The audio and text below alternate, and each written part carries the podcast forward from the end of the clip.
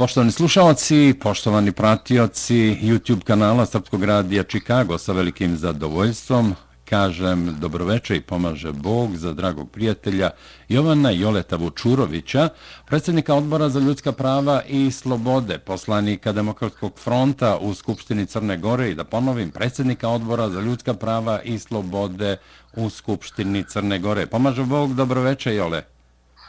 Bog vam pomogao, dobroveče, pozdrav za vas i slušalce Srpskog radija Čikago. Hvala od srca i hvala naravno za vreme koje ste odvojili da gostujete na Srpskom radiju Čikago. Evo ja ću odmah da konstatujem Danas je veliki dan za Crnu Goru. Dogovoreno formiranje nove 44. vlade Crne Gore, ako se ne varam, mandatar Miodrag Alekić, predsjednik Demosa. Pa molim za komentar. Pa pravu ste potpuno, dakle, veliki dan za Crnu Goru, jer čini mi se da je ovo ono, dakle, ja se nadam, naravno, dogovoru i konačnom, i čini mi se da je ovo ono što smo čekali, ajde da kažem, ne čak ni 30 godina vladavine DPS-a, nego čini mi se i od 1945. godine da najza Crna Gora krene u demokratizaciju i da dobije najzad vladu koja je odraz, dakle, na neki način odraz izborne volje građana. Jer da vas podsjetim, mi smo imali taj eksperiment nakon 30. augusta 2020. godine sa vladom Zdravka Kriokapiće koja nije bila politička, već ekspertska i vidjeli smo kako je prošlo samim tim što to nije bilo politički logično i nije bilo politički prirodno da se pravi jedna takva vlada koja nije bila odraz izborne volje. Nakon toga su imali drugi eksperiment sa manjinskom vladom gospodina Abazovića koji takođe je propao eksperiment samim tim što je e, ta vlada zavisila od e, jedne, rekao bih, e, slobodno mogu reći, političko-kriminalne strukture kako je Demokratska partija socijalista. I evo sada imamo priliku da najzad Crna Gora dobije e, vladu koja će biti sastavljena od političara, dakle onako kako i kaže demokratija i zapadne demokratije, kako kažu pravilo demokratije, da se vlada napravi od onih koji su pobjedili na izborima. Eto, izgubili smo, čini mi se, dvije godine u nekim e, suludim eksperimentima, bespotrebnim i sada smo na, rekao bih, korak od toga da dobijemo da dobijemo političku vladu jeste gospodin Lekić je e, izbor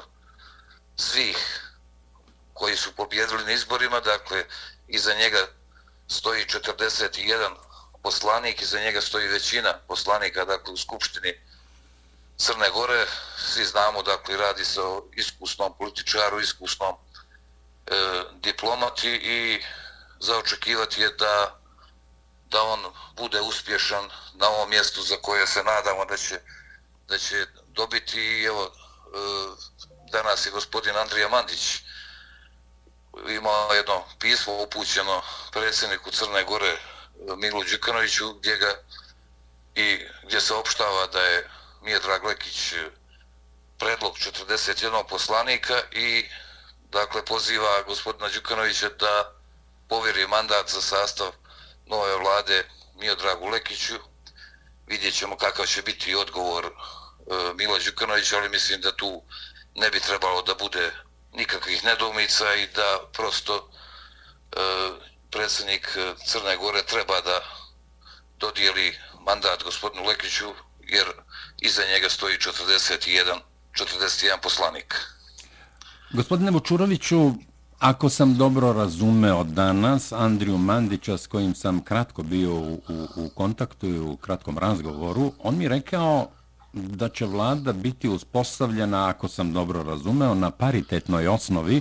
da polovina članova bude iz redova građanskog pokreta Ura Dritana Bazovića, a da drugu čine ostale partije i naravno da kandidat za mandatara Miodrag Lekić ima zlatni glas. Samo da dodam da je Miodrag Lekić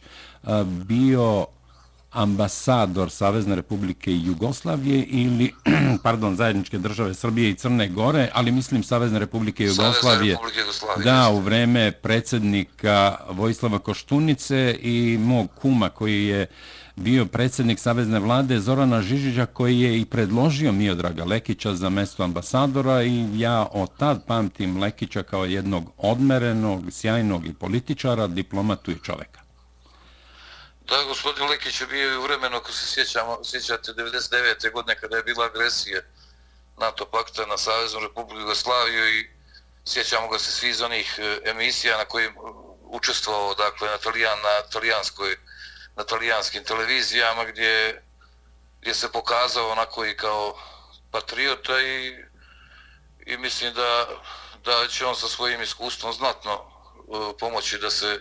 da se Crna Gora krene, da krene putem izlaska, izlaska iz ove krize. A samo eto da vas ispravim e,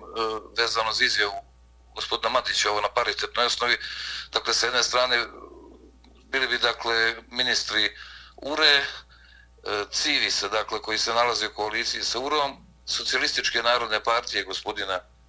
Jokovića i neko iz e, stranaka nacionalnih manjina ukoliko one odluče da, o, dobro, dobro. da, uđu, da uđu u vladu, dakle, a sa druge strane, eto tako kažem uslovno, sa druge strane bi bili, dakle, e, demokratski front, demokrate prava Crna Gora, ujedinjena Crna Gora i naravno gospodin Lekić koji bi imao taj, da ga nazovemo, zlatni, zlatni glas. Dakle, to su pregovori, ovo je već bio, dakle, ako se ne varam, sedma runda je danas bila e, pregovora. Moramo reći da je inicijator pregovora bio gospodin Andrija Mandić i eto, moramo se i odati priznanje na pokazanom i strpljenju i čini mi se i mudrosti koju je pokazao tokom svih ovih dana pregovora, jer prosto radi se o heterogenim političkim strukturama i ideološki i ovako kako god hoćete i trebalo je svakako e, dosta takta da bi se, da bi se došlo do dogovora, jer tu postoje i znatno ako su prostavljenja političke, političke opcije, e, posebno ovako da kažem politički je sijevalo između demokrata i Jure, između demokrata i SMP, ali je to na kraju e, prevladala ipak e, želja i volja e, ljudi koji su učestvovali u pregovorima da se dođe do dogovora, do dogovora i zaista treba, treba čestitati svima koji su, koji su u dogovorima učestvovali. Tako je. Gospodine Vučuroviću, rezultati prošle 43. vlade na čelu sa Dritanom Abazovićem mišljenja su podeljena, međutim ono što je veoma važno to je da je Dritan Abazović kao predsjednik vlade potpisao temeljni ugovor sa Srpskom pravoslavnom crkvom i mislim da je bilo poprilično rezultata u borbi protiv kriminala i korupcije, gde postoje i zahtevi međunarodne zajednice za otvorenu i žestoku borbu protiv kriminala i korupcije u Crnoj Gori. Izvolite. E, da, vlada gospodin Abazović je potpisao temeljni ugovor i mi smo to snažno pozdravili kao Nova Srpska demokratija i kao demokratski front. Dakle, on je uradio, imao je hrabrost i odlučnost i uradio je, na primjer, ono što nije uradio e, gospodin Zdravko Kriokapić, a imao je prilike da to uradi godinu, prije godinu dana, ali prosto iz nekih razloga u koje sada ne bi ulazili, on to nije uradio, iako je gospodin Krivokapić kao i gospoda Spajić i Milatović, iako su dakle svi oni postali ministri zahvaljujući koaliciji za budućnost Crne Gore i Demokratskom frontu i naravno zahvaljujući veličanstvenim litijama koje su bile 2020. godine, međutim oni nijesu slušali glas naroda, ni gospodin Krivokapić kao ni Spajić ni Milatović i oni nijesu prošle godine potpisali taj temeljni ugovor, iako su, kažem, bili u Beogradu i imali priliku da ga da ga potpišu, ali eto gospodin Abazović je imao odlučnosti i hrabrosti da, da potpiše temeljni ugovor i da najzad Srpska pravoslavna crkva kao najznačajnija institucija našeg naroda, kao neko, kao institucija koja je stvarala Crnu Goru kroz vijekove, najzad dobije uh, ono mjesto u državi Crnoj Gori koje koje zaslužuje. Dakle, a što se tiče drugog dijela vašeg pitanja, dakle, potpuno ste u pravu, e, Crnoj Gori predstoji jedna teška, teška borba protiv velike pošasti koja nas je zadesila ovih 30 godina, to je organizovani kriminal, dakle i korupcija. I vlada gospodina Abazovića imala je, imala je određenih rezultata u borbi protiv kriminala, dakle e, sjetimo se da je to zahvaljujući i demokratskom frontu i demokratama i Juri da je, izglasa, da je izglasan i tužilački savjet, da je tužilački savjet izabrao i gospodina Novovića za specijalnog državnog tužioca i vidimo da je gospodin Novović u jednoj dosta nezavidnoj situaciji uspio da, da uspio da postigne neke neke uspjehe. Zašto kažem nezavidnoj situaciji? Pa zato što dakle, e, mi i dalje u policiji, sudstvu, tužilaštvu, u tajnoj policiji imamo pregrošt kadrova Demokratske partije socijalista, odnosno imamo dobar dio kadrova koji su odavno kriminalizovani i koji se nalaze u dosluhu sa kriminalnim klanovima. Vi ste upoznati, evo, nažalost, čitavi svijet je upoznat e, s kakvim se problema Crna Gora bori vezano za dva kriminalna klana u tom obračunu. Tim obračunima do sada je poginulo preko 60 mladih ljudi i to je jedna tragedija i za neku veću državu, a kamoli za, kamoli za Crnu Goru i na nama je da, to, a to smo zapisali i u sporazumu između ovih e, stranaka koje će da prave vladu, dakle da se isključi svaka moguća saradnja sa Demokratskom partijom socijalista i da se krene u demontažu toga bivšeg režima. Dakle, ta riječ demontaža, ponavljamo, je dvije godine, ali prosto e, nije su radilo koliko se moglo, posebno vlada Zraka Kreokapića nije radilo ništa na tom planu i mi smo dužni, kao što su to radile i, i dakle, sve države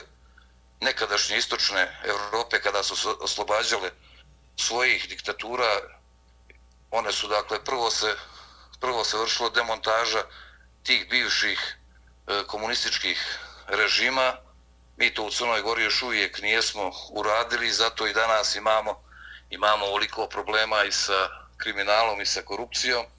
I ja se nadam da ćemo i mi iz Demokratskog fronta ulaskom u vladu zajedno sa našim, sa našim dakle, partnerima koalicijani budućim u vladi, kao i sa našim E, partnerima i iz zapadne Evrope i Sjedinjenih američkih država, dakle, uspjeti da se, da izađemo kao pobjednici iz te borbe protiv organizovanog kriminala i korupcije. Prosto Crna Gora je u nedostatku institucije, odnosno institucije su bile zarobljene, bila, rekao bih, država, klasična mafijaška država, ona je bila, rekao bih, san za mafiju, ono što je nekada, kako kaže moj prijatelj, sanjao, Pablo Escobar ili Al Capone da, da vode jednu državu, e, Crna Gora je bila pravi klasični raj za kriminalce i oni su, kao što vidimo na primjerima šverca cigareta koji traje 30 godina, kokaina i svega drugog, dakle oni su, kao što rekao, napravili pravi ovaj mafijaški raj od, od ove naše države i na nama je da, da se da stanemo nekako na put to je pošast i ja se nadam da će da ćemo uspjeti to i da će vlada 44. vlada upravo biti prepoznata po, po toj borbi protiv korupcije i protiv organizovanog kriminala. A, gospodine Vučuroviću, mala digresija, pitanje jedno, ovaj, pre nego pređem na ovo što, što mi je vrlo značajno. A, šta se dešava sa Skupštinom Crne Gore? Da li je tu dogovoreno ko će biti predsjednik i ko će pokrivati iz koje stranke ili već uh, koalicije, ko će pokrivati tu odgovornu funkciju? E, dakle, sad je sve to uh, proces jedan dogovaranja, vezano i za e, predsjednika Skupštine, dakle, za uopšte za rukovodstvo Skupštine. E, pratili ste, vjerojatno vidjeli ste da je bio predlog za smjenu Tako je. E, predsjednice Đurović. Ona je iz socijalističke date, narodne partije, izvinjavam se. Jeste, i data je pauza u, na toj sjednici i tada smo počeli ove pregovore, tako da se ja nadam da ćemo i tu postići e, visoku saglasnost i da ćemo se lako dogovoriti i oko, to, i oko te pozicije, kao i dakle oko, oko ministarstava e, da će to biti dakle jedan, rekao bih ovako, da kažem, paket vezan za ministarstvo i za Skupštinu Crne Gore i dakle narednih dana će, će se o tome podrobnije i detaljnije dogovarati e, također ljudi, pregovarači naši na, e, na ovim e, sastancima i mislim da ćemo, da ćemo se rekao, relativno vrlo lako dogovoriti i, i o tim pozicijama. Gospodine Vučuroviću, uplitanje evropskih parlamentaraca u formiranje vlade Crne Gore, konkretno mislim na Bilčika, na Piculu, na uh, ovog uh, Miroslava Lajčaka, dakle, minorni ljudi, evo recimo Bilčik ima jednog poslanika u parlamentu Češke, mislim da je on iz Češke Slovačke. i Slovačke. Dakle, da. jednog poslanika i on sad drži predavanja okolo posebno Crnoj Gori, evo dolazi uh, u, u, Beograd, tamo je bio na Europride-u i tako dalje. Dakle, minorni, ja to kažem, minorni političari ili ne znam već šta li su, predstavnici pod navodnicima parlamentarne skupštine ili već koga u Evropskoj uniji i oni drže predavanja i, i forsiraju neke svoje vizije o formiranju vlade Crne Gore. Šta mislite o tome? Pa, izjavio sam skoro jednoj televizijskoj emisiji da niko ne podržava DPS besplatno. Dakle, pa sad neka, kako god ko hoće da to tumači, a također smo, sam pozvao i nadležne institucije u Crnoj Gori da provjere e, odnos između te pomenute gospode, dakle Bilčika, posebno Bilčika, sa Demokratskom partijom socijalista i sa njenim, sa njenim liderom. Jer nevjerovatno Milom je da Đukanovićem. Da, da jer nevjerojatno je da neko tako pruža snažnu podršku uh, jednoj političko-kriminalnoj strukturi kakva je Demokratska partija socijalista, koja je dakle nosilac bila organizovano kriminala i korupcije, kao što vidimo puni su zatvori njihovih e, prijatelja Mila Đukanovića i u takvoj jednoj poziciji kada nas Europska unija i Amerika postiču na borbu protiv organizovanog kriminala i korupcije, e, Bilčik i ta ekipa podržavaju snažno demokratsku partiju socijalista. Dakle, tu očigledno nijesu čista posla i mislim da ima prostora da se nadležni pozabave tim odnosom, tim kontaktima između e, Đukanovića, na primjer, Bilčika i još nekih. A što se tiče e, tih odnosa, naš stav Demokratskog fronta koji smo najsnažnije napadnuti od tih ljudi, je da vlada Crne Gore treba da se pravi u Crnoj Gori. Mi poštujemo naše partnere, dakle, na zapadu i, dakle, ono što je, što je krucijalno, kao što rekoh, je da, da su to naši partneri, dakle, i na ekonomskom planu i na svakom drugom planu i želimo i da sarađujemo s njima. Evo, Demokratski front se zalaže da Crna Gora bude dio europske porodice, dio europske unije. Dakle, mi ćemo dati sigurno svoj doprinos kroz vladu da što prije Crna Gora bude članica Europske unije, međutim, evo kao što vidite, postoje političari koji napadima na demokratski front pokušavaju nekako da vrate u život e, demokratsku partiju socijalista koja je poražena nakon 30 godina vladanja, poražena na izborima 30. avgusta. Dakle, snažna poruka demokratskog fronta je da vladu Crne Gore treba praviti u Crnoj Gori, a kad smo ovdje spomenuli gospodina Lajčaka, E, želim da kažem da je prije nekih 5-6 dana naša poslanica Maja Vukićević e, razgovarala na jednoj, koja je potpredsjednik e, parlamentarne skupštine Savjeta Evrope, razgovarala je upravo u Parizu sa gospodinom Lečakom i pitala ga je zašto oni pokušavaju, zašto on lično pokušava da utiče na neka dešavanja u Crnoj Gori, konkretno da utiče i na,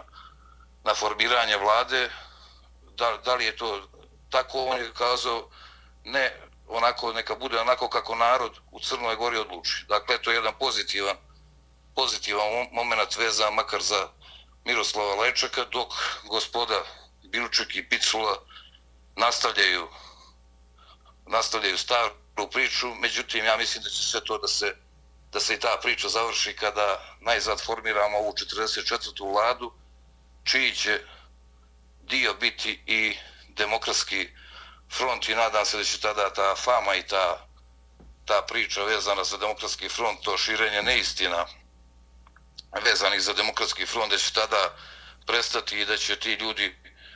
dozvoliti Crnoj Gori da, da ide u pravcu i Europske unije i da ide u pravcu njeni građani idu u pravcu boljeg života i da se najzad, kao što rekao,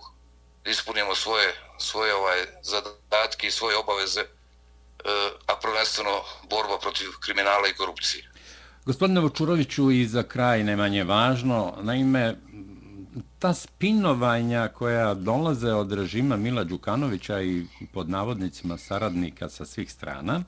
da je demokratski front protiv Sjedinjenih američkih država, da je demokratski front okrenut samo Rusiji, nikako Evropskoj uniji, tako dalje i tako dalje. A prema onom što ja znam u kontaktima moje čerke Olge, doktorke Olge Ravasi, koja ima zaista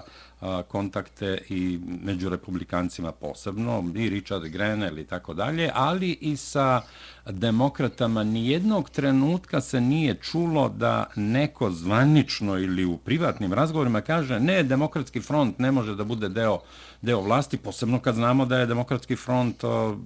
bio izuzetno uspešan na tim proteklim izborima i da je bio, ajte da kažemo, poziciji lider koji je u stvari i, i doneo zajedno s litijama, doneo je tu pobedu. Prosto nigde niko otvoreno nije rekao, e, ne može demokratski front, pa mi se čini da je u posljednje vreme taj jedan izbalansiran stav i ambasade Sjedinjenih američkih država u Podgorici, ali i u Vašingtonu doneo ajte da kažemo, ovo smirenje i da se formira konačno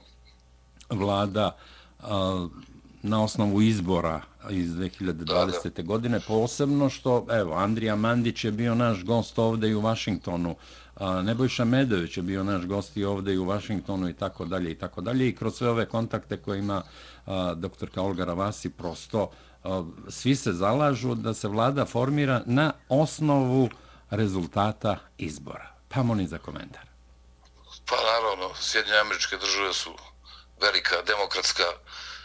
država i dakle oni odlično znaju kako se e, formiraju vlade i da se vlade formiraju na osnovu izbornih rezultata i ono što smo mi dobijali e, posebno preko nekih medija kao poruku iz Amerike, to su u stvari bilo klasična određena podmetanja, pa evo imate na primjer slučaj pri zadnjih 20 dana, kaže neimenovani izvor iz State Departmenta, kaže da Demokratski front E, nije partner Sjedinjih američkih država i da ne bi bilo dobro da bude dio vlade. A mi pitamo, dakle, može li taj neimenovan izvor da se, da se predstavi imenom i prezimenom. Dakle, odmah nakon toga ide ponovo neimenovan izvor iz te departmenta kaže da Demokratski front je sarađivao sa Rusima, sa Olegom Deripaskom, što je također jedna e, neistina, jer Oleg Deripaska je saradnik Mila Đukanovića i Milana Roćena. Nije saradnik Demokratskog fronta, dakle, taj je, upravo Deripaska je poslovni partner Mila Đukanovića i Milan Roćena, ali hoću da vam kažem, dakle, e, neimenovani izvori i to se prosto koristi onda od strane DPS-a i njihovih satelita kao ovako jedno sredstvo za obračun sa demokratskim frontom i pokušaj da se demokratski front predstavi kao neki politički bauk u Crnoj Gori, ne samo u Crnoj Gori, nego i u regionu i Evropi, što je, dakle, što je jedan sklop jednih neistina, dakle, i spinovanja i podmetanja. Prosto demokratski front želi da sarađuje i sa istokom i sa zapadom i demokratski front želi da Crna Gora bude dio Evropske unije i vidimo i naravno Sjedinje američke države kao partnera Crne Gore i ne vidimo da je tu bilo, bilo šta sporno, a mislim da će i svi ti, dakle te države e, koji jesu naši partneri, vidjeti da Demokratski front nije ono što pokušavaju da nas predstave oni koji su, rekao bih, na platnom spisku Mila Đukanovića i i mafije. Dakle, to je ono što želim da vam kažem, što sam prije rekao, niko ne podržava Mila Đukanovića i DPS besplatno.